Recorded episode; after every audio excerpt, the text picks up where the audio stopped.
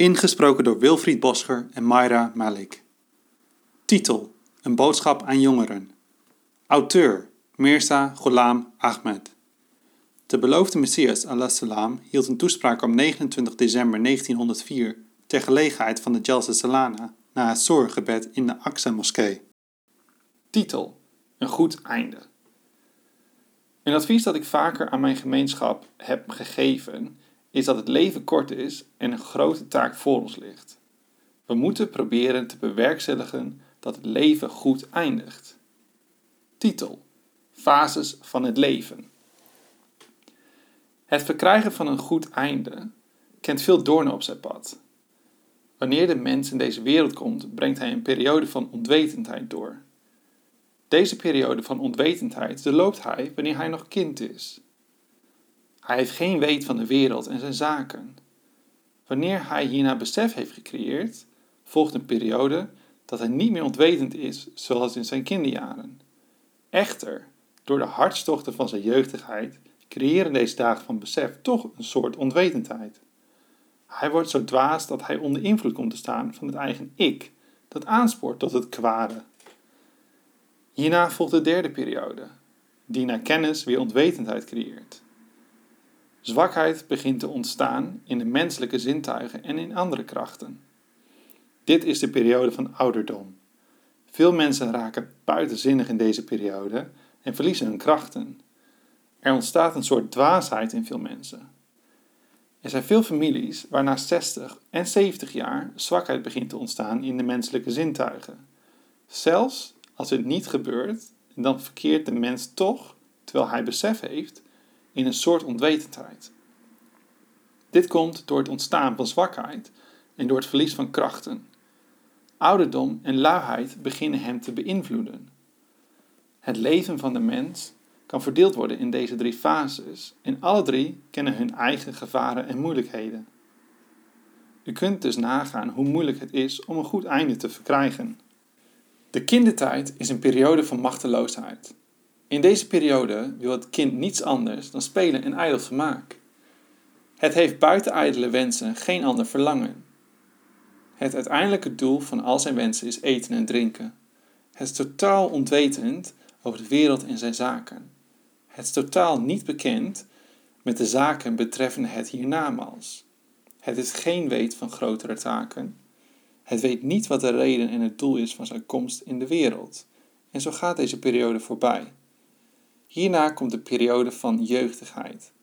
Er is geen twijfel aan het feit dat in deze periode zijn kennis toeneemt en zijn wensen groter worden, maar de passies van de jeugdigheid en de hartstochten van het kwade ik maken hem ontwetend.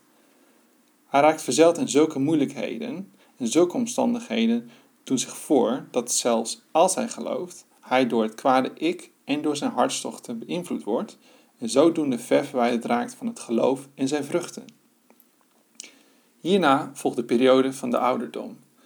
Deze periode is zo nutteloos en waardeloos alsof de inhoud van iets wordt verwijderd en het omhulsel overblijft. Ouderdom is het omhulsel van het menselijk leven. Op dat moment heeft nog de wereld, nog de godsdienst iets aan de mens. In dementie en in vermoeidheid brengt hij zijn tijd door. De energie en het tempo van zijn zintuigen zijn niet meer hetzelfde als in zijn jeugd. In de kindertijd is hij ook niet veel beter. Hoewel hij in de kindertijd nog volledig aan het ontwikkelen is, gebeurt het niet in zijn ouderdom. In plaats van verdere fysieke ontwikkeling beginnen zijn krachten juist af te nemen. En door zwakheid ontstaat luiheid en nalatigheid. Hoewel een kind onbekend is of zal zijn met wat het gebed inhoudt, wat het belang ervan is, wat de vruchten en de voordelen ervan zijn, kan er door te kijken naar zijn familielid er in hem een wedijver en verlangen ontstaan. In de ouderdom is hij zelfs hiertoe niet in staat. Geestelijke zintuigen verzwakken in deze periode en ook fysieke zintuigen verzwakken door de ouderdom. Sommigen worden blind, sommigen doof en sommigen kunnen niet meer lopen en bewegen.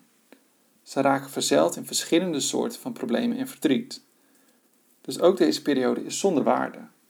Dit maakt duidelijk dat er feitelijk maar één periode is en dat is de tussenperiode wanneer de mens nog jong is en iets kan doen. Dit komt omdat zijn lichaam zich ontwikkelt en zijn krachten toenemen. Tevens is het ook een periode waarin het eigen ik tot het kwade aanspoort. Op verschillende manieren valt dit hem aan en wil hem onder zijn invloed houden. Dit is de periode van verantwoording. Dit zijn juist de dagen om iets te doen voor een goed einde. Helaas is hij omringd door zulke problemen dat indien hij geen grote inspanning levert, dit juist ook de periode is die hem naar de hel kan leiden en hem onzalig kan maken. Echter, als hij met voortreffelijkheid, waakzaamheid en volledige voorzichtigheid deze periode doorbrengt, dan is met de genade en de zegen van Allah de Verhevene er hoop op een goed einde. De beginperiode is een tijd van onwetendheid en nalatigheid. Allah de Verhevene zal ons hier niet over ter verantwoording roepen, zoals hij zelf heeft gezegd.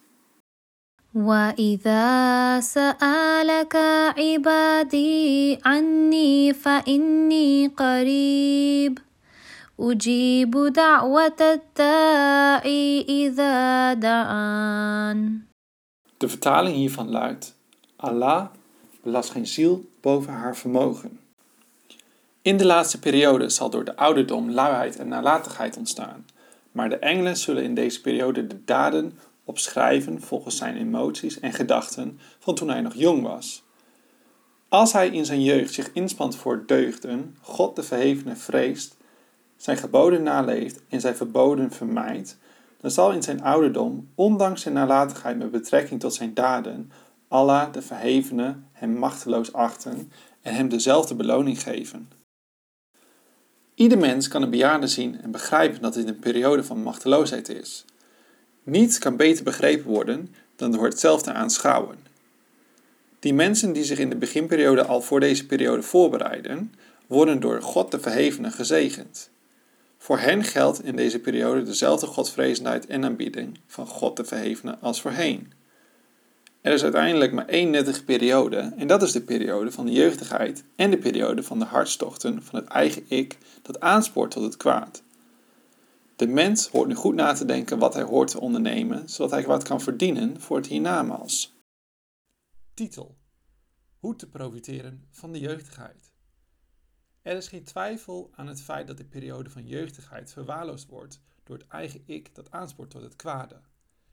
Echter is het ook de periode waar de mens iets aan heeft. Het gezegde van Hazrat Jozef, salam, staat vermeld in de Heilige Koran. وما أبرئ نفسي إن النفس لأمارة بالسوء إلا ما رحم ربي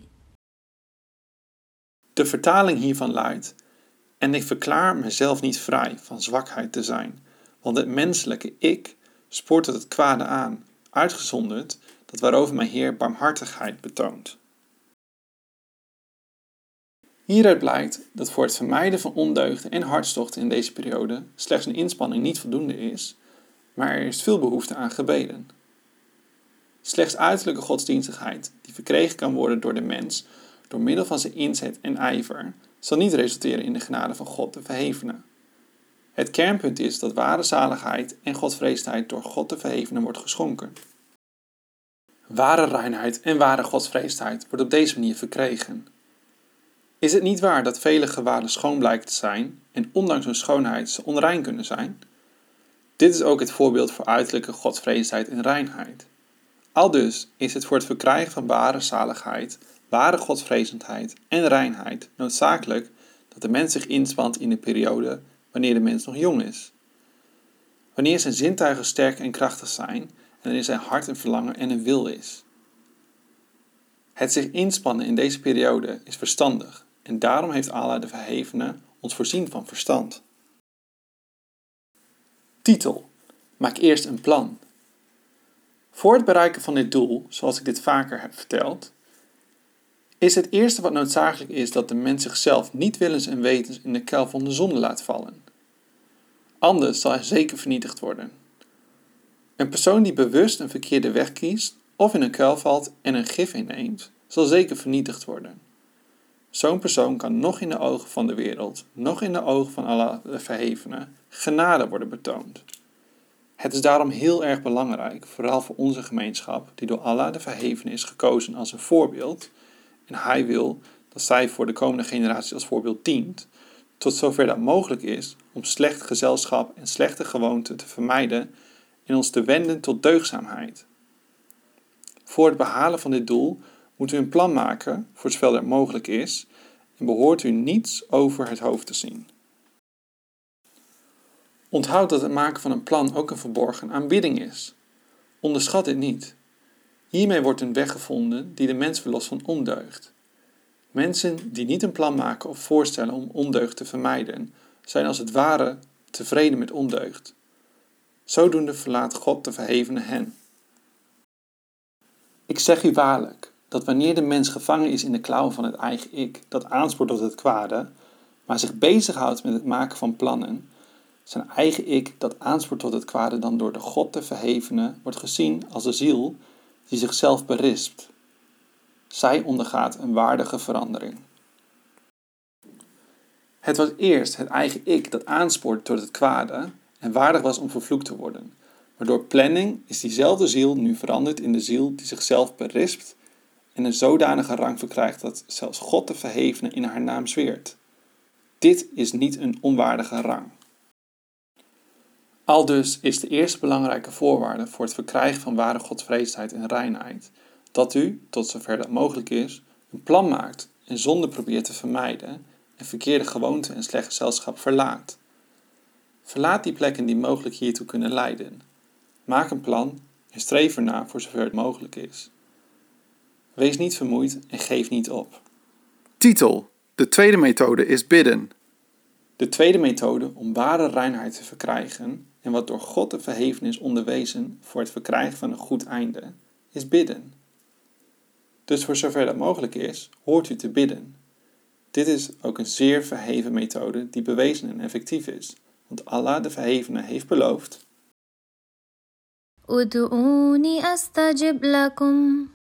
De vertaling hiervan luidt: Aanbid mij, ik zal uw gebed verhoren. Bidden is iets waar de moslims trots op mogen zijn. Andere naties hechten geen waarde aan het gebed. Ook kunnen zij niet trots zijn op deze reine methode. Titel: Bijzondere trots van de islam. Deze trots en onderscheiding komt alleen de islam toe en andere religies zijn er totaal verstoken van. Bijvoorbeeld, christenen geloven dat een mens die zij als God beschouwen voor hen een offer heeft gebracht. Zij leggen hun vertrouwen in hem en denken dat al hij al hun zonden op zich heeft genomen. Wat kan hen nog aansporen tot het gebed? Het is onmogelijk dat zij met een ontroerd hart bidden. Alleen hij smeekt die zichzelf verantwoordelijk acht en zichzelf aansprakelijk voelt. Waarom zou iemand bidden die zichzelf vrijgesteld acht van verplichtingen? Hij denkt juist dat iemand anders zijn zonde op zich heeft genomen, waardoor hij niet meer aansprakelijk is. Hoe kan er dan motivatie in zijn hart ontstaan? Hij legt zijn vertrouwen in iets anders en door deze methode raakt hij ver verwijderd van de methode van bidden. Voor een christen is dus bidden totaal zinloos en hij kan hier niet gebruik van maken. Er kan in zijn hart geen ontroering en een verlangen ontstaan voor het gebed. Een Arya gelooft in reïncarnatie en gelooft dat berouw niet aanvaard kan worden en zijn zonde op geen enkele wijze vergeven kan worden. Waarom zal hij bidden? Voor hem is de cyclus van wedergeboorte noodzakelijk. Hij gelooft dat hij een stier, een paard, een ezel, een schaap, een hond, een varken enzovoort moet worden. Hij zal zich niet wenden tot het gebed. Dit maakt duidelijk dat het gebed een bijzondere trots is van de islam en de moslims zijn hier dan ook trots op. Onthoud wel dat bidden niet een naam is voor ijdel gepraat. Dit is iets waardoor het hart gevuld wordt met de vrees van God te verhevene. De ziel van de smekeling valt als het water neer over de goddelijke drempel en verlangt kracht en vergeving van de sterke en almachtige God voor zijn tekortkomingen en fouten. Dit is een toestand die met andere woorden ook dood genoemd kan worden. Wanneer deze toestand ontstaat, kunt u er zeker van zijn dat de deur van aanvaarding voor hem geopend is. Een bijzondere kracht, zegening en standvastigheid wordt hem geschonken om zonde te vermijden en hij wordt in staat gesteld om met standvastigheid deugden te beoefenen. Deze methode is de meest effectieve methode. Titel: Het gebed en de mensen van nu. Een grote moeilijkheid is dat mensen totaal onbekend zijn met de filosofie van het gebed En daarom geloven veel mensen in dit tijdperk er niet in. Zij zien de effecten niet. Nog een reden is dat zij beweren dat het geen bestemd is toch gaat gebeuren. Dus wat is dan het nut van het gebed? Maar ik weet dat het slechts een smoes is. Zij hebben geen ervaring met het gebed en weten niet wat de effecten ervan zijn. Daarom zeggen zij dit. Als zij werkelijk geloven dat alles voorbestemd is, waarom proberen zij dan te genezen wanneer zij ziek zijn? Waarom haasten zij zich dan naar de dokter wanneer zij ernstig ziek zijn? Ik zeg u werkelijk dat zij de meeste ijver tonen in het treffen van maatregelen. Sayed Ahmed Khan gelooft ook niet in het gebed. Toen hij een blaasverstopping had, heeft hij een dokter uit Delhi uitgenodigd. Hij dacht toen niet dat het vanzelf over zou gaan. Terwijl dezelfde God macht heeft over de materiële en spirituele wereld en wereldse middelen in de wereld invloed uitoefenen, hoe kunnen spirituele middelen dan zonder invloed blijven? Gebed is een krachtig instrument. Ja, weliswaar, valt alles onder Gods macht en wil. Maar kan iemand ook vertellen aan wie God de verhevene zijn plan bekend heeft gemaakt? Opdat wij over alles precies weten wat er te gebeuren staat? Waarlijk zeg ik u, dat niemand in bezit is van deze geheimen. We zien dat wanneer een persoon last heeft van obstipatie, wij hem triviet of castorolie toedienen en hierdoor krijgt hij diarree en verdwijnt zijn obstipatie. Is dit niet het bewijs dat God de verhevene invloeden heeft gecreëerd in middelen? Er zijn ook andere vergelijkbare voorbeelden van mensen die maatregelen treffen, bijvoorbeeld de landbouwers en de dokters. Zij weten heel goed dat zij gebruik maken van verschillende middelen. Zij zien verschillende effecten in middelen. Wanneer deze middelen wel effect hebben, wat is dan de reden dat gebeden, die ook behoren tot verborgen middelen en methodes, geen effect tonen? Zij hebben wel degelijk effect. Maar er zijn weinig mensen die bekend zijn en weten wat de effecten zijn, en daarom geloven zij er niet in. Ik weet met zekerheid dat er veel mensen in de wereld zijn die niet het niveau bereiken waar het gebed zijn effect toont en uit vermoeidheid het gebed verlaten en zelf de conclusie trekken dat gebeden geen invloed hebben. Ik vertel u dat dit hun eigen fout en tekortkoming is. Als iets niet voldoende inhoud heeft, of dit nu gif is of een remedie, zal het geen effect tonen. Is het mogelijk voor iemand die honger heeft om zijn maag te vullen met een rijstkorrel? Of is het mogelijk dat door het innemen van een gram voedsel zijn maag gevuld kan worden? Nooit. Of neem het voorbeeld van iemand die dorst heeft. Zal een druppel water zijn dorst kunnen lessen? Om zijn maag te vullen moet hij voldoende voedsel innemen en om zijn dorst te lessen moet hij voldoende water drinken. Pas dan zal hij gerustgesteld worden. Op dezelfde manier hoort u tijdens het bidden niet de moed op te geven en moet u niet wanhopig worden. Raak niet snel vermoeid. U moet niet stoppen totdat het gebed zijn volledige effect heeft getoond. Mensen die vermoeid raken en wanhopig worden, maken een fout, want dit is een teken van mislukking. In mijn visie is gebed een voortreffelijk middel en ik zeg dit gebaseerd op mijn ervaring. Dit is geen verzinsel. Een probleem die niet door een ander middel opgelost kan worden, wordt door middel van het gebed door Allah de Verhevene opgelost. Ik zeg u werkelijk dat het gebed een krachtig middel is. Genezing van een ziekte vindt plaats door dit middel. Wereldse lasten worden weggenomen door dit middel. Het schenkt bescherming tegen de plannen van de vijanden en het allerbelangrijkste is dat dit middel de mens reinigt en een standvastig geloof schenkt in God de Verhevene. Door dit middel wordt men verlost van zonde en ontwikkelt men standvastigheid in het verrichten van goede daden. Hoe gelukkig is die persoon die gelooft in het gebed, want hij aanschouwt de bijzondere en de unieke kracht van Allah de Verhevene. Hij gelooft in Allah de Verhevene door te aanschouwen dat hij de Almachtige en de zachtaardige God is. Allah de Verhevene heeft in het begin van de Koran al smeekbeden onderwezen. Dit maakt duidelijk dat het gebed een belangrijk middel is. Zonder dit kan de mens niets bereiken.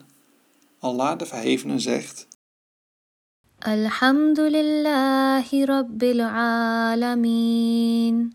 Ar-Rahmanir Rahim. Maliki. De vertaling hiervan luidt: Alle lof komt Allah toe, de Heer der werelden, de barmhartige, de genadevolle, meester van de dag des oordeels. Hier heeft Allah de Verhevene vier eigenschappen vermeld die de moedereigenschappen zijn.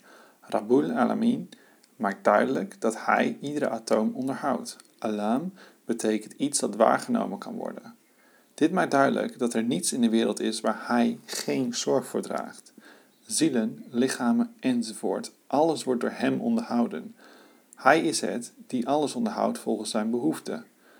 Waar Hij zorg draagt voor het lichaam, zorgt Hij ook voor de voldoening van de ziel door het schenken van wijsheden en waarheden.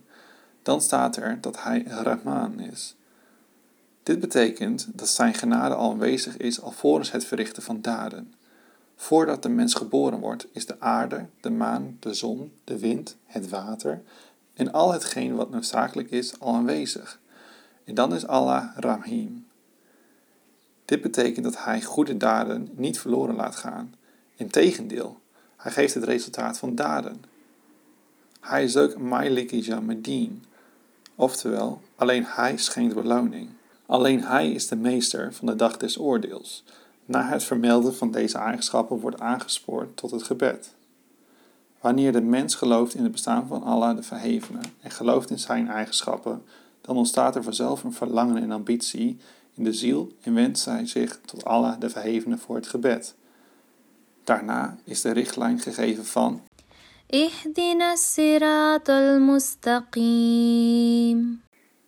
De vertaling hiervan luidt: Leid ons op het rechte pad. Dit maakt duidelijk dat het gebed noodzakelijk is voor het verkrijgen van goddelijke manifestaties en voor zijn genade. Wees altijd hiertoe bereid en geef nooit op.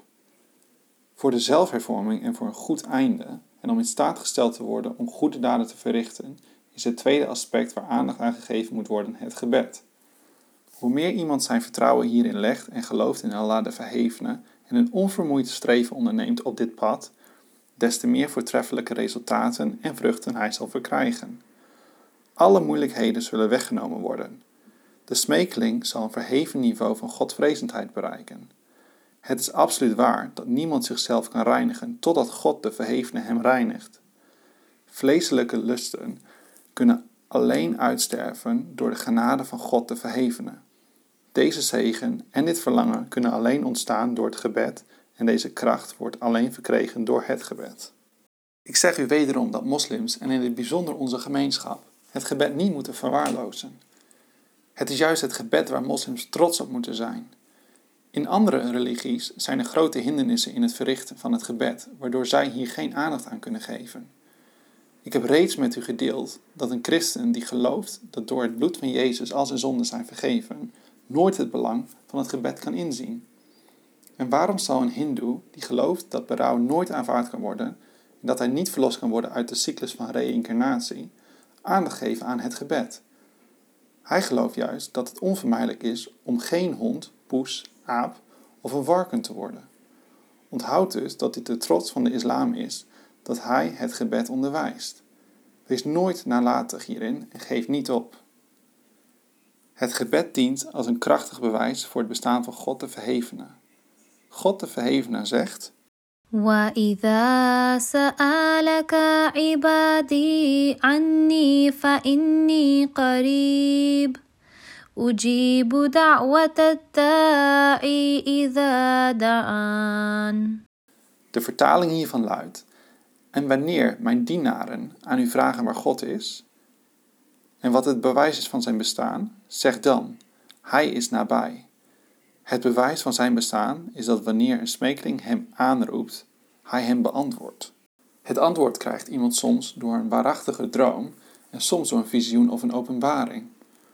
Door middel van gebeden worden de machten en krachten van God de Verhevene gemanifesteerd en ontdenkt men dat Hij zo machtig is dat Hij problemen oplost. Het gebed is dus een rijkdom en een kracht. Overal in de Heilige Koran wordt aangespoord om te bidden. In de Koran wordt beschreven hoe mensen hun problemen hebben opgelost door middel van het gebed. De kern van het leven van de profeten en de ware reden en van de successen en het middel hiertoe is het gebed. Ik wil u dus adviseren om te blijven bidden voor uw geloof en daadkracht. Door middel van het gebed zal er in u een verandering plaatsvinden en hierdoor zult u met de genade van God de Verhevene tot een goed einde komen. Titel: Het derde aspect is goed gezelschap. Het derde aspect, dat ook bevestigd wordt door de Koran, is het houden van goed gezelschap. Allah de Verhevene zegt: Kunu ma'as-sabiqin. De vertaling hiervan luidt: Wees met de waarachtigen. Het gezelschap van waarachtigen heeft een bijzonder effect. Hun waarachtige licht en standvastigheid beïnvloedt anderen en helpt in het verwijderen van tekortkomingen. Dit zijn de drie manieren die het geloof beschermen van de aanvallen van Satan. Als de mens niet gebruik maakt van deze middelen, blijft er altijd het gevaar dat Satan hem aanvalt en hem berooft van zijn geloof. Het is daarom noodzakelijk dat hij met standvastigheid zijn stap zet en zich op iedere manier beschermt tegen de satanistische aanvallen. Ik vrees dat een persoon die zichzelf niet bewapent met deze drie wapens door een toevallige aanval schade zal oplopen. Titel: Het vermijden van kwaad en het doen van het goede.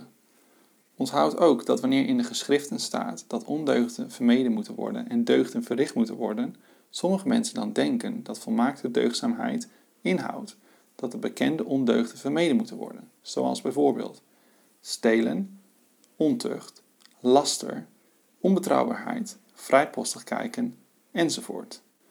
Zij denken dan dat zij hierdoor het hoogste niveau van vroomheid hebben bereikt en dat zij nu heel verheven zijn. Terwijl, als hier goed over nagedacht wordt, dit helemaal niets voorstelt. Er zijn veel mensen die niet stelen, er zijn veel mensen die niet anderen beroven, of bloed vergieten, of vrijpostig kijken, of overspel plegen, of geen slechte gewoonte hebben. Het enige wat wij over zo iemand kunnen zeggen, is dat hij het kwaad verwerpt, zelfs als hij hiertoe niet eens in staat was. De Heilige Koran wil niet alleen dat de mens, door het verwerpen van het kwaad, zichzelf beschouwt als een volmaakt mens, hij wil dat de mens begiftigd wordt met verheven kwaliteiten en met een verheven moraal. Hij hoort zulke daden te verrichten die voortvloeien uit genegenheid voor de mensheid. Het resultaat van zijn daden moet zijn dat Allah de Verhevene over hem tevreden wordt. Ik vertel u herhaaldelijk dat u slechts door het verwerpen van het kwaad niet moet denken dat u het hoogtepunt van spirituele ontwikkeling hebt bereikt. Slechts het verwerpen van kwaad bevat niet de volmaakte betekenis van vroomheid. Herhaaldelijk denken dat ik niemand vermoord heb is geen deugdzaamheid, want niet iedereen vermoordt anderen.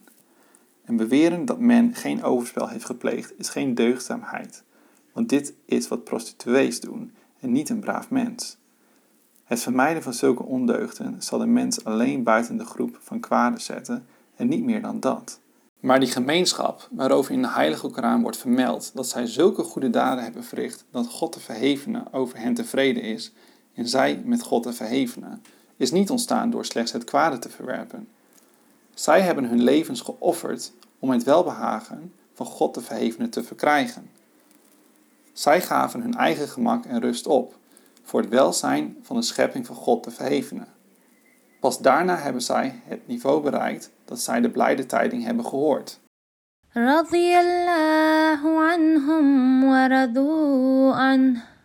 De vertaling hiervan luidt: Allah heeft behagen in hen en zij hebben behagen in hem. Maar wat ik waarneem is dat de toestand van de moslims op dit moment zo verergerd is dat het goeddoen ver te zoeken is.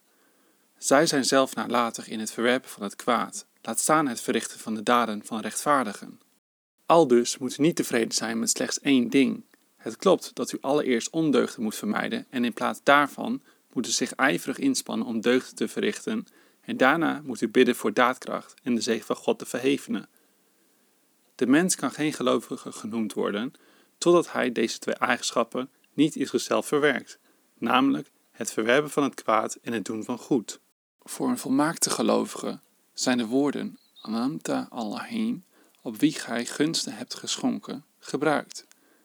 Denk na over dit vers.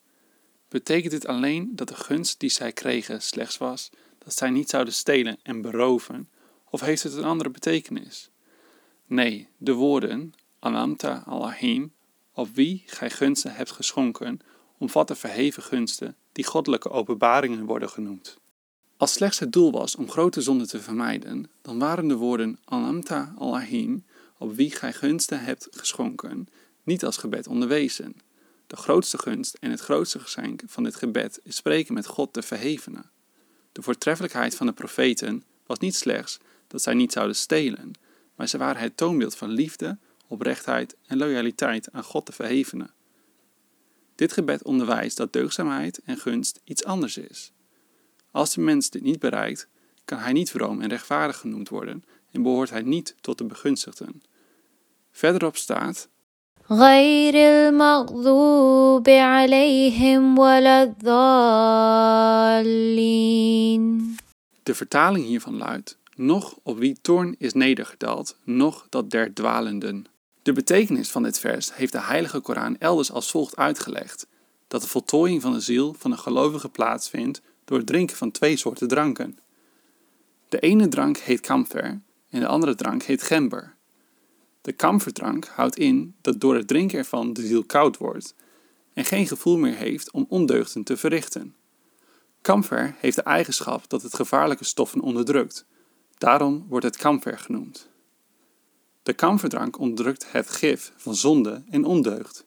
Het schakelt die stoffen uit die de ziel van de mens kunnen vernietigen. De tweede drank is de gemberdrank. Hiermee verkrijgt de mens energie en kracht om goede daden te verrichten en er ontstaat warmte. Het hoofddoel is dus اهدنا الصراط المستقيم صراط الذين أنعمت عليهم De vertaling hiervan luidt: Leid ons op het rechte pad, het pad van hen op wie gij gunsten hebt nedergedaald. Dit is als het ware de gemberdrank en غير المغضوب عليهم ولا الضالين de vertaling hiervan luidt: Nog op wie toorn is nedergedaald, nog dat der dwalenden. Dit is de kamferdrank. Er is nu nog een moeilijkheid, en dat is dat de mens met gemak de grote kwaden kan vermijden, maar sommige zonden zijn zo klein en verborgen dat het ten eerste heel moeilijk is voor de mens om deze te achterhalen en om ze daarna te verwerpen is nog moeilijker. Het voorbeeld hiervan is net als dat van tyfus. Hoewel het een ernstige vorm van koorts is, is de genezing ervan gemakkelijk. Maar de genezing van longtuberculose, die intern aanvalt, is heel moeilijk. Zodoende zijn er ook interne en verborgen zonden die de mens weerhouden van het verkrijgen van zegeningen. Dit zijn de morele zonden die zich voordoen in sociale ontmoetingen en onderhandelingen. Door kleine oneenigheden en meningsverschillen ontstaat er in harten boosheid, vijandschap, jaloezie, huichelarij en arrogantie. Er ontstaat dédain richting zijn broeder. Als iemand een paar dagen het gebed goed heeft verricht en complimenten krijgt van mensen, ontstaat er trots en vertoon en verdwijnt het ware doel van oprechtheid. Als God de verhevene iemand rijkdom heeft geschonken of kennis, of als iemand behoort tot een familie met veel aanzien, dan begint hij hierdoor zijn andere broeder te minachten die deze dingen niet heeft. Hij verlangt erna om zijn broeder te bekritiseren en zodoende doet arrogantie zich voor op verschillende manieren. In ieder mens doet het zich op de een of andere manier voor. Intellectuelen uiten het in de vorm van kennis en proberen hun broeder te vernederen. Zij willen hem hoe dan ook bekritiseren en zodoende hem vernederen en kwaad doen. Ze zijn dag en nacht op zoek naar zijn tekortkomingen. Dit soort zonden zijn moeilijk te verwijderen, maar de sharia staat deze zonden niet toe. Dit zijn zonden die niet alleen door de algemene mens worden verricht, maar ook mensen van kennis die grote zonden niet verrichten en bijzonder worden geacht, doen vaak ook deze daden. Hiervan verlost worden en sterven is gelijk. Als de mens zich niet verlost van deze zonden, kan zelfhervorming niet volledig plaatsvinden en kan de mens niet die kwaliteiten en gunsten ontvangen van God de Verhevene die Hij verleent naar zelfhervorming. Sommige mensen denken dat zij verlost zijn van die slechte eigenschappen. Echter, wanneer zij geconfronteerd worden met een dergelijke situatie en een dwaas ontmoeten, worden zij furieus. Het veld dat zij dan uiten is ondenkbaar. Op dat moment realiseert men zich dat hij nog niets heeft bereikt en dat de reiniging van de ziel niet volmaakt is. Dit maakt ook duidelijk dat hervorming, wat morele hervorming wordt genoemd, heel moeilijk is en niet zonder de genade van Allah de Verhevene mogelijk is. Om Zijn genade te verkrijgen zijn deze drie aspecten belangrijk. 1. Inspanning en een plan. 2. Gebed. En 3. Goed gezelschap. Deze goddelijke genade valt volledig ten deel aan de profeten, vrede zij met hen allen. Allah de Verhevene zorgt zelf eerst voor de volledige hervorming van hun moraal. Er blijft in hen geen spoor over van immoraliteit. Hun toestand is zo dat zelfs na het verkrijgen van een koninkrijk zij heel ingetogen leven en geen vorm van arrogantie tonen. In werkelijkheid kan dit fel van de hartstochten van de ziel, dat zich manifesteert in de vorm van immoreel gedrag, arrogantie en vertoon, etc., geen dood ondergaan als God zijn genade niet betoont. Deze gevaarlijke stoffen verdwijnen niet totdat het vuur van Gods bewustzijn ze niet verbrandt. Hij, bij wie dit vuur van Gods bewustzijn ontstaat, begint zichzelf te reinigen van morele tekortkomingen. Hij acht zichzelf klein, zelfs wanneer hij groot is. Hij beschouwt zichzelf niets. Het goddelijke licht dat hij verkrijgt, ziet hij niet als het resultaat van zijn bekwaamheid of kwaliteit. Hij verwijst dit niet naar zichzelf, maar beschouwt het slechts als de zegen en genade van God de Verhevene. Zoals een muur verlicht wordt door het zonlicht, maar de muur er niet trots op kan zijn dat het het resultaat is van zijn persoonlijke kwaliteiten. Het klopt dat hoe schoner de muur is, des te schoner de verlichting door de zon zal zijn. Maar hoe dan ook komt dit niet door de persoonlijke kwaliteiten van de muur, maar dit is de trots van de zon. Ook kan hij niet de zon zeggen het zonlicht weg te nemen. Op dezelfde wijze hebben profeten zuivere zielen. Door de genade en de zegeningen van Allah de Verhevene schijnt het licht van Gods bewustzijn over hen. Zij worden hiermee verlicht. Zij maken daarom ook geen persoonlijke aanspraak, maar verwijzen iedere zegen aan Allah toe. Dit is ook de waarheid. Dit is de reden dat wanneer aan de heilige profeet Saleh Allahu alayhi wasallam werd gevraagd of hij vanwege zijn daden het paradijs zal binnengaan, hij antwoordde dat het niet zal gebeuren, maar alleen met de genade van God de Verhevene. Profeten wijzen zichzelf geen krachten toe. Zij ontvangen deze door God en noemen alleen Zijn naam. Echter, die mensen die vele malen minder in niveau zijn dan profeten, tonen arrogantie door slechts twee dagen het gebed te verrichten. Ook door het vasten en het verrichten van de bedevaart ontstaat in hen arrogantie in plaats van zelfhervorming.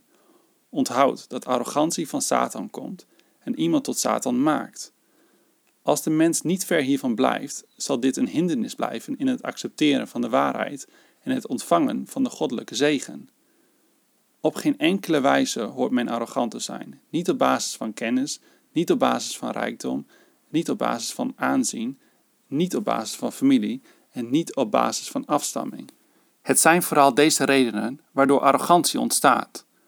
Als de mens zich niet reinigt van deze arrogantie, kan er geen geliefde worden van God de Verhevene. Hij verkrijgt dan niet het godsbewustzijn dat onreine hartstochten verbrandt, omdat dit een aandeel is van Satan. Allah de Verhevene heeft dit niet lief.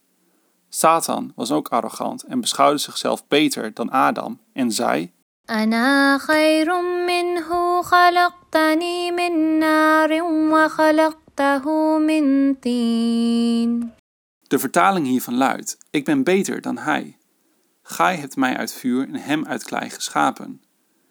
Het resultaat hiervan was dat hij werd verworpen door God de Verhevene. Adam accepteerde zijn tekortkoming, omdat hem Gods bewustzijn was geschonken, en werd de erfgenaam van Gods zegen. Hij wist dat zonder Gods zegen niets mogelijk was. Hij smeekte in de woorden: ربنا ظلمنا أنفسنا وإن لم تغفر لنا وترحمنا لنكونن من الخاسرين De vertaling hiervan luidt: Onze Heer, wij hebben onszelf onrecht aangedaan, en als Gij ons niet vergeeft en ons niet genadig zijt, zullen wij zeker tot de benadeelden behoren. Dit is het geheim van Jezus toen hij werd aangesproken als vrome leraar. Hij zei: Waarom zegt u dat ik vroom ben? De tegenwoordige dwaze christenen zeggen dat met deze uitspraak wordt bedoeld: Waarom zegt u niet tegen mij dat ik God ben, terwijl Jezus iets heel subtiels zei? Dit behoort tot de eigenschappen van profeten. Hij wist dat ware vroomheid alleen van God de Verhevene kan komen. Hij is de bron waaruit dit voorkomt. Hij schenkt aan wie hij dat wil en ontneemt wanneer hij dat wil. Deze dwazen hebben deze wijze uitspraak misvormd. Zij verklaren Jezus, salam, arrogant, terwijl hij een nederig persoon was. Titel: Een manier om rein te worden. In mijn visie is dit een voortreffelijke manier om rein te worden. Het is niet mogelijk voor de mens om een betere manier te ontdekken dan niet arrogant en trots te zijn, nog op basis van kennis, nog op basis van familie en nog op basis van rijkdom. Wanneer God de verhevene iemand ogen schenkt, dan kan hij zien dat iedere verlichting die kan verlossen van de duisternis uit de hemel komt en dat de mens ieder moment behoefte heeft aan goddelijk licht. Een fysiek oog kan niet zien als het licht van de zon niet schijnt vanuit de hemel. Op dezelfde wijze geldt dit voor het spirituele licht dat al het duister doet verdwijnen en in plaats hiervan het licht van Godvrezendheid en reinheid creëert. Ook dit licht komt vanuit de hemel. Ik zeg u waarlijk dat Godvrezendheid, geloof, aanbidding, reinheid, alles vanuit de hemel komt en afhankelijk is van de genade van God te verhevenen. Het is zijn wil als hij dit in stand wil houden of weg wil nemen. Waar Gods bewustzijn betekent dat de mens zichzelf als niets acht, dat hij met nederigheid en ootmoed aan de goddelijke drempel smeekt voor zijn genade en smeekt voor het licht van Gods bewustzijn dat de hartstochten van de ziel verbrandt. Het doet van binnen een licht ontstaan dat kracht en energie creëert voor het verrichten van deugden. Wanneer hij een deel van Gods genade ontvangt, hoort hij meer te groeien in ootmoed en nederigheid. Want hoe meer hij zichzelf als niets beschouwt, des te meer de zegening van God te verhevenen neerdalen die hem licht en kracht geven. Als de mens dit als geloofsconcept aanhangt, dan zal door de genade van Allah de verhevene zijn morele toestand verbeteren. Jezelf iets beschouwen in de wereld is ook arrogant en dit creëert een toestand dat de mens anderen begint te vervloeken en te minachten. De reden dat ik dit herhaaldelijk vertel is dat God de Verhevene deze gemeenschap heeft opgericht met als doel dat waar Gods bewustzijn dat verdwenen is in de wereld en waar Godvreesdheid en reinheid die niet meer te vinden zijn in dit tijdperk, wederom gecreëerd wordt. Arrogantie is over het algemeen overal in de wereld verspreid. Geleerden zijn gevangen in hun trots en arrogantie vanwege hun kennis. Als we kijken naar de verkeers, dan is hun toestand ook zorgwekkend. Zij houden zich afzijdig van zelfhervorming. Zij beperken zich alleen tot het lichaam. Vandaar dat hun inspanningen en oefeningen eigenaardig zijn en die geen grondslag hebben in de bron van profeetschap. Ik zie dat zij geen aandacht hebben voor het reinigen van het hart. Zij geven alleen aandacht aan het lichaam en er is geen spoor te vinden van spiritualiteit. Hun inspanningen reinigen niet het hart. Ook creëren zij hierdoor geen waar godsbewustzijn. Aldus is dit tijdperk hiervan totaal verstoken. De profetische manier van zelfhervorming is geheel verlaten en vergeten. Nu heeft Allah de Verhevene gewild dat het tijdperk van profeetschap wederom terugkeert en godvrezendheid en reinheid wordt gecreëerd. Dit heeft Hij gewenst door middel van deze gemeenschap. Het is dus uw plicht dat u aandacht geeft aan ware hervorming, zoals dit onderwezen is door de heilige profeet, Sallallahu alayhi wa sallam. Titel Twee aspecten van de sharia. De sharia kent twee belangrijke delen en aspecten.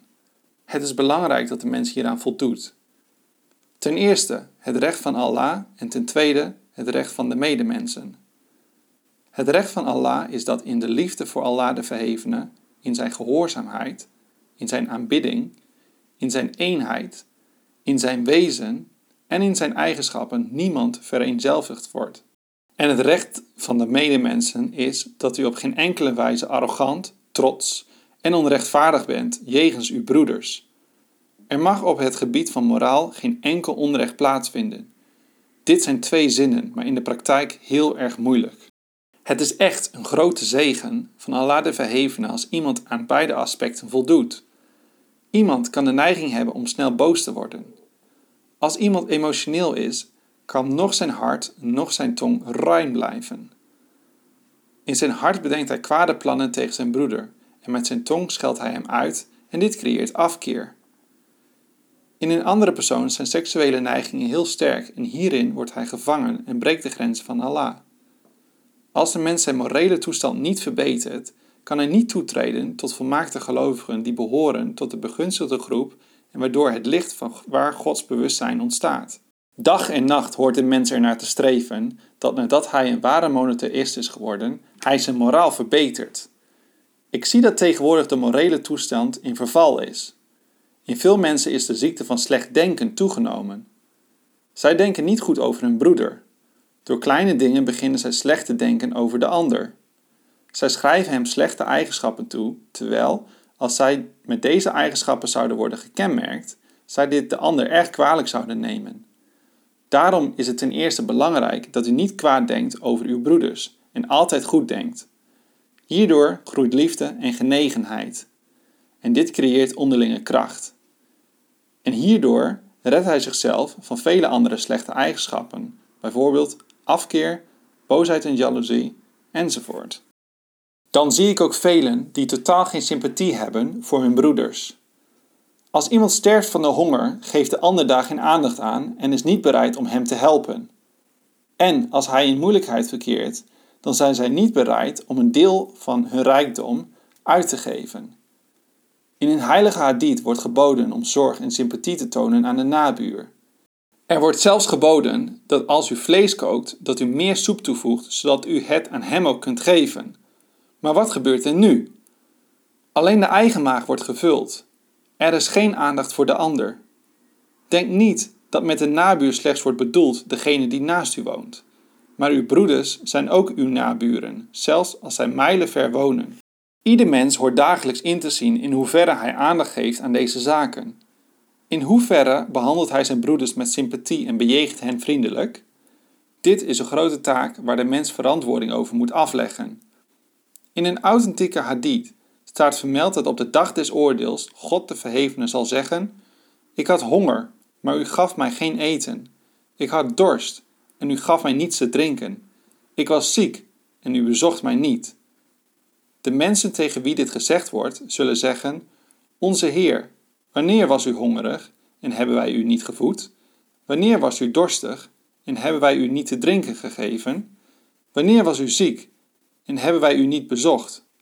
Hierop zal God de Verhevene antwoorden: Mijn dienaar was behoeftig en had deze dingen nodig, maar u betoonde hem geen sympathie.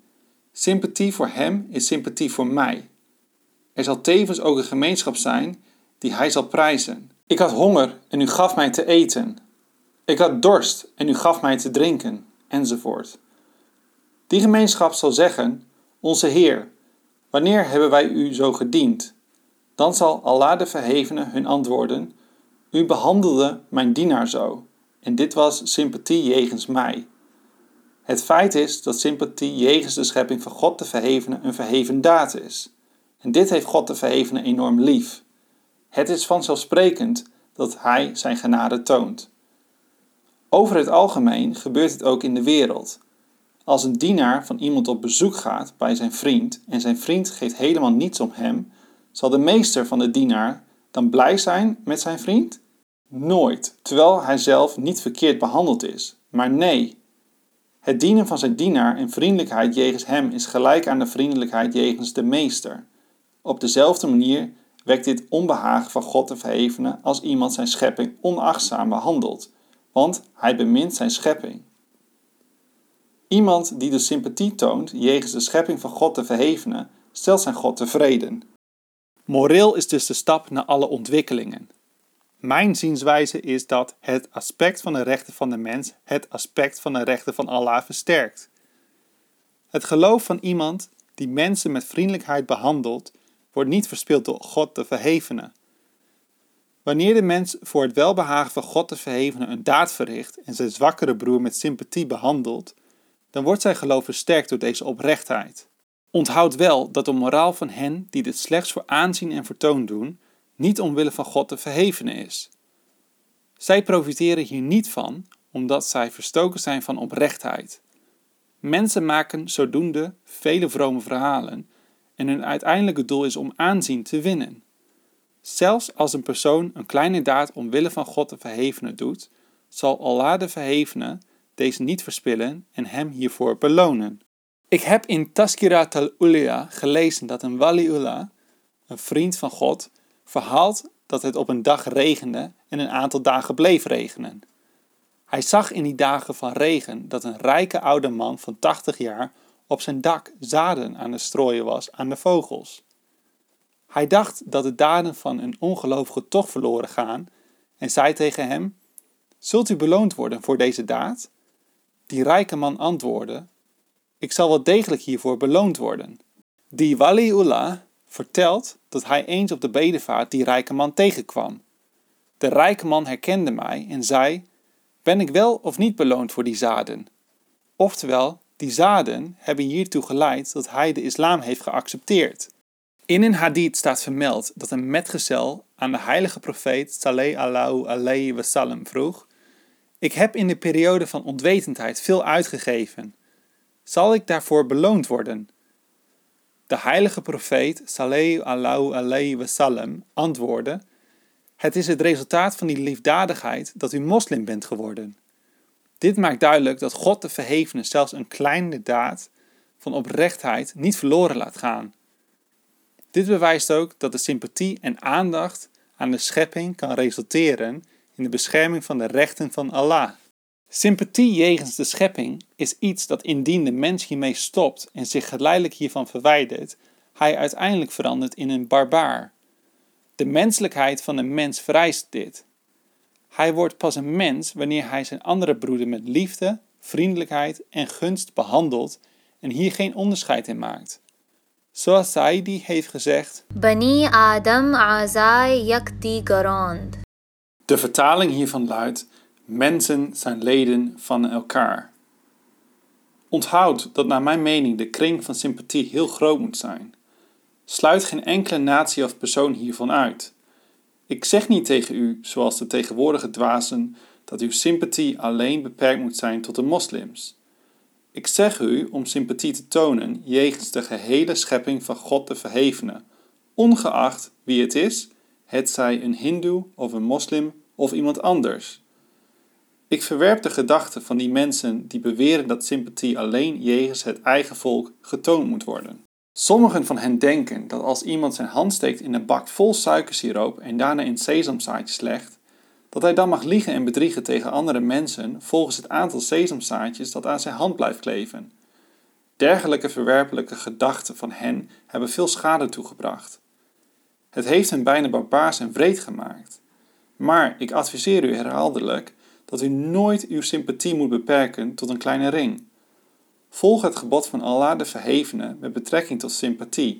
إن الله يأمر بالعدل والإحسان وإيتاء ذي القربى De vertaling hiervan luidt: Voorwaar, Allah gelast u goed met goed te vergelden en wel te doen aan anderen en te geven als aan verwanten. Dit betekent dat u allereerst in deugdzaamheid, adil, rechtvaardigheid, hanteert. Iemand die goed is jegens u, hoort u ook goed te behandelen. Een niveau hoger is dat u hem nog beter behandelt. Dit wordt ihsan, gunst, genoemd. Hoewel het niveau van ihsan hoger is dan adil, en dit is een grote vorm van vroomheid, maar het kan voorkomen dat degene die goed deed de ander wijst op de dienst die hij hem verleende. Er is nog een hoger niveau dan al deze niveaus, en dat is dat de mens uit persoonlijke liefde deugdzaamheid betracht. Er hoort geen element van ijdelheid te zijn, zoals een moeder haar kind opvoedt. Ze verlangt niet naar een beloning voor de opvoeding.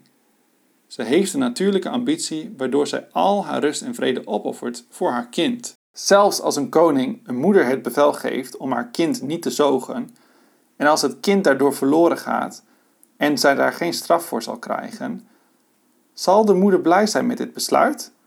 Zal zij dit bevel opvolgen? Nooit. Zij zal zo'n koning vervloeken en afvragen waarom hij zo'n bevel heeft gegeven. Dus deugdzaamheid moet verricht worden op een manier dat het een natuurlijke impuls wordt. Wanneer iets geleidelijk ontwikkelt, bereikt het zijn volmaaktheid. Onthoud dat God de Verhevene houdt van deugdzaamheid en hij wil dat zijn schepping sympathie wordt betoond. Als hij hield van ondeugd, zal hij ondeugd hebben geboden. Maar de glorie van Allah is vrij van zulke daden. Heilig is Hij, de Verhevene, met zijn glorie. Titel: De oorlogen van de heilige profeet, Saleh Allahu alayhi wasallam. Sommige mensen die vijand zijn van de waarheid proberen wanneer zij zulke leerstellingen aanhoren, tevergeefs het bezwaar te maken dat als er sympathie was in de islam, waarom de heilige profeet, Saleh Allahu alayhi wasallam, dan heeft gevochten. Deze dwazen weten niet dat de heilige profeet, sallallahu alayhi wasallam, deze oorlogen defensief heeft moeten voeren, na een gevaarlijke periode van 13 jaar van pijn en verdriet. 13 jaar lang heeft hij pijn en verdriet geleden door de handen van de vijanden. Moslimmannen en vrouwen werden gemarteld. Uiteindelijk, toen hij naar Medina ging, hebben de tiranen ook daar de moslims niet met rust gelaten. God de Verhevene heeft toen het onschuldige volk het gebod gegeven om te vechten, zodat de schepping zou worden gered van het kwaad van de tiranen. En zo een weg zou worden geopend voor een waarheidlievend volk. De heilige profeet, sallallahu alayhi wasallam, heeft nooit iets verkeerds verlangd voor iemand. Hij was een belichaming van genade. Als hij iets verkeerd zou willen, dan had hij alle macht en kracht om dit te doen. Hij kon de leiders van de ongelovigen, die hem altijd leed hebben aangedaan, kunnen laten doden. Dit zou zelfs gerechtvaardigd zijn volgens de normen van rechtvaardigheid en rationaliteit. Zelfs wanneer rechtvaardigheid en rationaliteit hem het recht geven om hen te doden, heeft hij dit niet gedaan en hen laten gaan. Als tegenwoordig iemand verraad pleegt en opstand toont, wie zou zo iemand bescherming willen verlenen? Toen in India de opstand plaatsvond en de Britten de macht overnamen, zijn alle verraders vermoord en deze straf was gerechtvaardigd. Er is geen wet voor de verlossing van een verrader. Het was werkelijk de verdraagzaamheid van de heilige profeet sallallahu alayhi wasallam dat hij op die dag zei: Heden zij u geen verwijt, u allen bent vergeven. Dit toont dat de heilige profeet sallallahu alayhi wasallam buitengewoon sympathie had voor de mensheid. Er is geen gelijkenis te vinden in de wereld van dergelijke sympathie. Als hierna nog wordt beweerd dat islam geen sympathie onderwijst jegens anderen, dan is er geen grote onrecht denkbaar. Onthoud dat een gelovig godvrezend iemand geen kwaad in zijn hart heeft. Hoe meer iemand godvrezend wordt, hoe meer hij geen straf of pijn verlangt voor iemand. Een moslim kan niet boosaardig zijn. Ik zie ook hoe onrechtvaardig zij mij hebben behandeld en mij veel pijn en verdriet hebben aangedaan. Maar desondanks ben ik nu ook bereid om al hun fouten te vergeven. Dus zij die met mij een relatie hebben, onthoud dat u sympathie toont jegens iedereen ongeacht tot welke religie iemand toebehoort. Wees deugzaam jegens iedereen zonder onderscheid te maken, want dit is de leer van de heilige Koran. ويطعمون الطعام على حبه مسكينا ويتيما وأسيرا De vertaling hiervan luidt: En zij geven voedsel uit liefde voor hem aan de armen, de wees en de gevangenen. De gevangenen die kwamen waren meestal ongelovig. Zie hier hoe groot de sympathie van de islam is. Naar mijn mening heeft niemand buiten de islam een volmaakte morele leer. Als ik gezondheid krijg, wil ik een boekje schrijven over de leerstelling van de islamitische moraal. Ik wil graag dat mijn visie goed duidelijk wordt en dat het voor mijn gemeenschap dient als een volmaakte leer en dat daarin de wegen van het welbehagen van Allah beschreven worden. Het doet mij veel verdriet wanneer ik te weten kom dat iemand dit of dat heeft gedaan. Ik word hier niet blij van. Ik zie de gemeenschap als een kind dat twee stappen loopt en dan na vier stappen neervalt. Maar het is mijn overtuiging dat God de Verhevene deze gemeenschap volmaakt zal maken. Ook u moet hiervoor streven met een plan, ijver en gebed, zodat God de Verhevene zijn genade betoont. Zonder zijn genade is niets mogelijk. Wanneer hij zijn genade toont, worden alle wegen geopend. Titel: Tweede lezing. Toespraak van de beloofde Messias, Allah salam, die hij op 30 december 1904 hield na het vrijdaggebed in de Aqsa-moskee. Noot: Ik, redacteur, kwam laat aan, dus deel ik alleen het deel dat ik heb kunnen bewaren. Het blijkt dat het onderwerp ging over het verlaten van de wereld en het verkrijgen van de nabijheid van Allah. De mens moet proberen dat zijn schaal van goede daden zwaar blijft. Maar we zien dat de mens zo druk bezig is in de wereld dat deze schaal maar niet zwaarder wordt. Dag en nacht denkt hij over het vervullen van zijn wereldse taken. Dat hij grond kan kopen of een gebouw kan bouwen. Terwijl in zijn gedachten ook de schaal van religie zwaarder moet wegen dan de schaal van de wereld. Zelfs als iemand dag en nacht bezig is met het gebed en het vasten, zal het hem niet van pas komen zolang hij God niet voorrang verleent boven alles. In ieder woord en daad hoort men Allah de Verhevene als zijn hoofddoel te beschouwen. Anders zal hij niet aanvaard worden door God. Een afgod van de wereld draagt de mens altijd onder zijn arm. Als hij een vergelijking maakt, zal hij leren dat hij voor de wereld verschillende versieringen heeft, maar zijn religieuze aspect heel zwak is. Terwijl het leven onzeker is en niemand de kennis heeft of hij het volgende moment nog in leven zal blijven of niet. Sheikh Saidi heeft heel terecht gezegd: Makkan takya bar Umar na paidar. De vertaling hiervan luidt: Leg niet uw vertrouwen op het leven dat vergankelijk is. Onder iedereen die hier nu staat, is er niemand die kan beweren dat hij nog een jaar lang zal blijven leven. Maar als ons door God de verhevene kennis wordt gegeven dat het leven nu eindigt, eindigen direct al onze voornemens. Onthoud goed dat een gelovige niet een dienaar van de wereld moet zijn.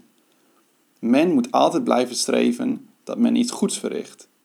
God de Verhevene is enorm genadig en zachtaardig. Het is niet zijn wil dat u verdriet lijdt. Maar onthoud goed dat als iemand welwillend afstand van hem neemt, zijn toorn op hen neerdaalt. Dit is sinds mensheugenis het gebruik van Allah. Zie het tijdperk van Noah, salam. Zie het tijdperk van Lot, salam. Zie het tijdperk van Mozes, salam. En zie het tijdperk van de heilige profeet, sallallahu alayhi wasallam. Wat was de toestand van de mensen die toen welwillend afstand namen van God de Verhevene? Voortdurende verlangens hebben de mens vernietigd. Allah de Verhevene zegt ook.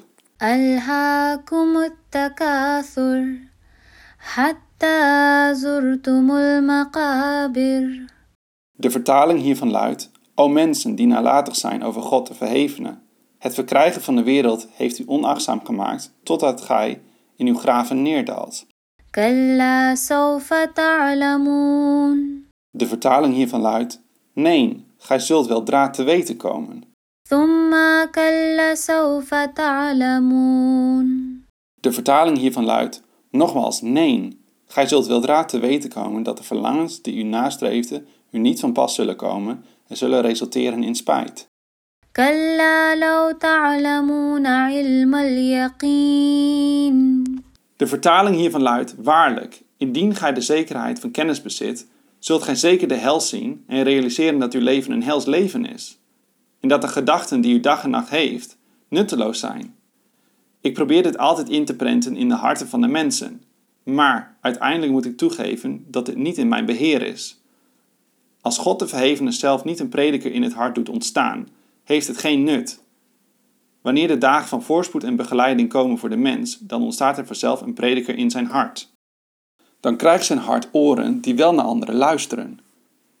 Denk goed na en u zult zich realiseren dat de mens niet een betekenisvol wezen is en dat hij niet zijn eigen hand heeft. Neem het voorbeeld van zijn oog. Het is een subtiel orgaan. Als er een steen tegenaan komt, wordt hij meteen blind. Is dit niet een gunst van God? Heeft iemand het recht dat God de Verheven hem ogen schenkt? Denk nu over de andere krachten.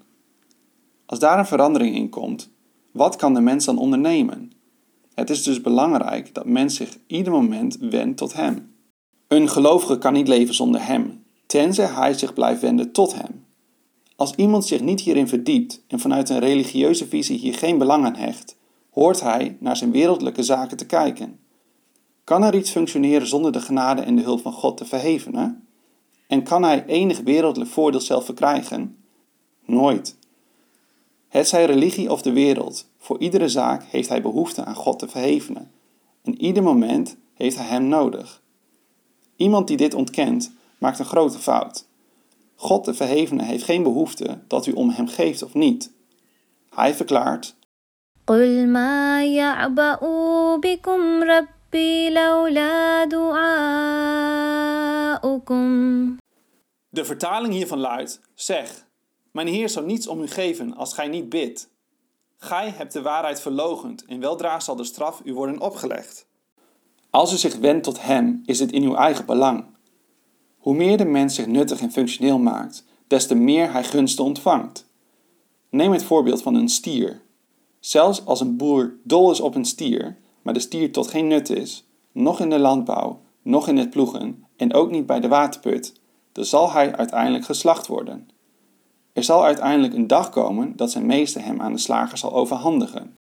Op dezelfde manier zal als een mens op de weg van God zijn nut niet bewijst, God de Verhevene geen verantwoordelijkheid dragen voor zijn bescherming. Maak uzelf als een vruchtbare boom, zodat de meester om u geeft. Als u een boom wordt die geen vruchten geeft en ook geen bladeren heeft, zodat mensen in de schaduw ervan kunnen zitten, zal de boom uiteindelijk worden gekapt en in het vuur worden opgestookt. God de Verhevene heeft de mens geschapen, zodat hij hem herkent en zijn nabijheid verkrijgt. وما خلقت الجن والإنس إلا ليعبدون De vertaling hiervan luidt: En ik heb de djinn en de mensen slechts tot mijn aanbidden geschapen. Iemand die dit doel niet voor ogen houdt en dag en nacht alleen maar denkt dat hij een stuk grond wil kopen en een gebouw wil bouwen en eigendom wil bezitten, dan kunnen we slechts verwachten dat God de Verhevene hem een paar dagen uitstel geeft en hem dan weer terugroept. Er moet in het hart van de mens pijn zijn om de nabijheid van God de Verhevene te verkrijgen, zodat hij in het aangezicht van hem een waardevol bestaan heeft. Als deze pijn niet in zijn hart is en hij alleen verdriet heeft om de wereld en zijn zaken, dan zal hij kort uitstel krijgen en daarna vernietigd worden. God de Verhevene geeft uitstel omdat hij zachtaardig is. Maar wat moet hij doen met iemand die niet gebruik maakt van zijn zachtaardigheid? Het geluk van de mens ligt in het feit dat hij toch enige relatie met hem onderhoudt. De kern van alle aanbiddingen is het hart. Als iemand aanbidding verricht, maar het hart zich niet wendt tot God te verhevene, wat voor nut kan zo'n aanbidding dan hebben? Het is belangrijk dat het hart zich volledig wendt tot Hem. Kijk, er zijn duizenden moskeeën waarin niets anders dan een rituele aanbidding plaatsvindt. Dit was ook de toestand van de Joden in de tijd van de heilige profeet, sallallahu alayhi wasallam, dat zij alleen uit gewoonte en als traditie aanbiddingen verrichten. De aandacht van het hart was afwezig, terwijl dit de geest is van aanbidding. Daarom heeft God de Verhevene hen vervloekt. Ook nu geldt dit voor hen die geen aandacht geven aan het reinigen van het hart. Zelfs als zij uit traditie en gewoonte duizenden bewegingen maken, zal dit hun niet tot voordeel strekken. Het reinigen van het hart kweekt de tuin der daden. Daarom heeft Allah de Verhevene gezegd: قد أفلح من زكاها وقد خاب من دساها De vertaling hiervan luidt: Voorwaar, geslaagd is hij die het hart loutert.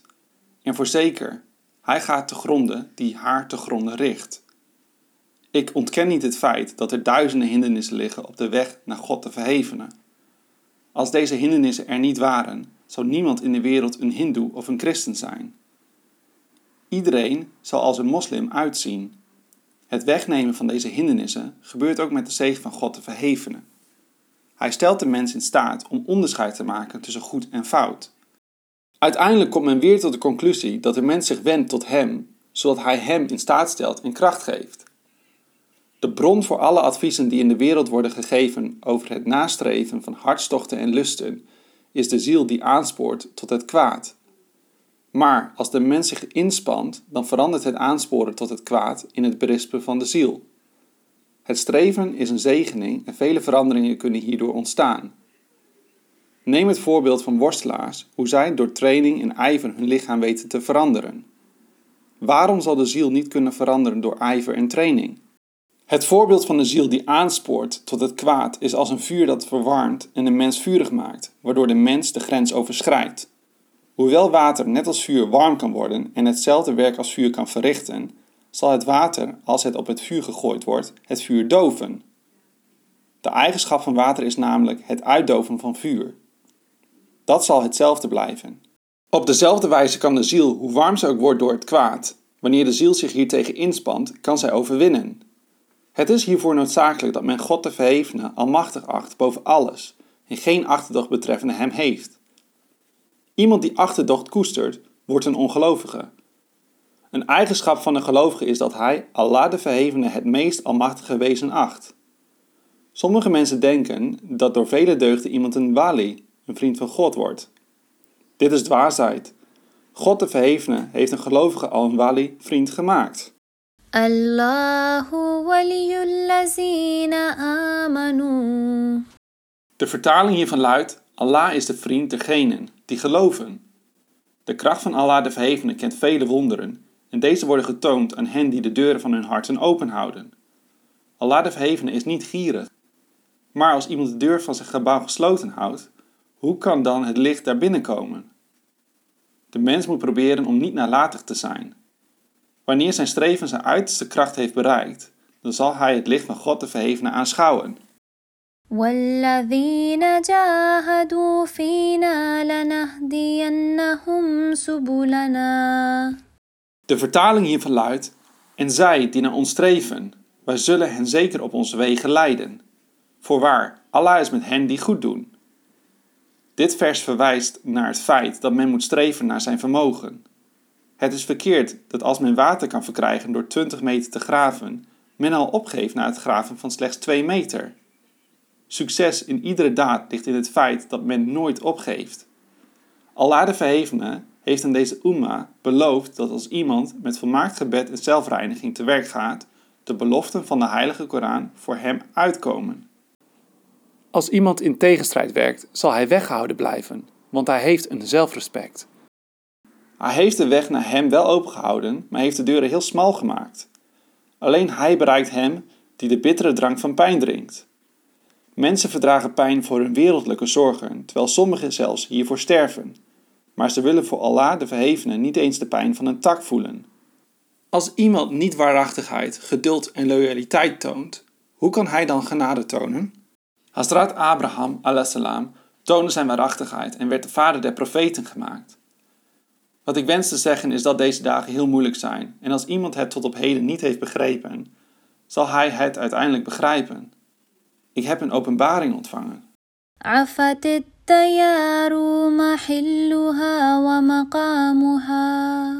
De vertaling hiervan luidt: tijdelijke woningen en permanente woningen zullen worden weggevaagd. Dit is een waarschuwing waarin bericht wordt over de pest dat er geen toevluchtsoord en beschermingsoord zal zijn voor de mens. Ik maak u allen tot getuigen dat als iemand geen ware hervorming onderneemt, hij niet waardig zal zijn om mij een gebed te verzoeken. Alleen zij zullen beschermd blijven die het rechte pad volgen dat door God de Verhevene is onderwezen. De belofte van God de Verhevene geldt slechts voor die mensen die ware hervorming ondergaan. Alleen bad, toetreding, zal de mens geen voordeel geven. Als een patiënt niet het volledige medicijn inneemt, zal hij niet genezen. Daarom moet men volledig veranderen. Probeer voor zover dat mogelijk is te smeken. En smeek tot Allah de Verhevene dat hij u in staat stelt om alles te doen.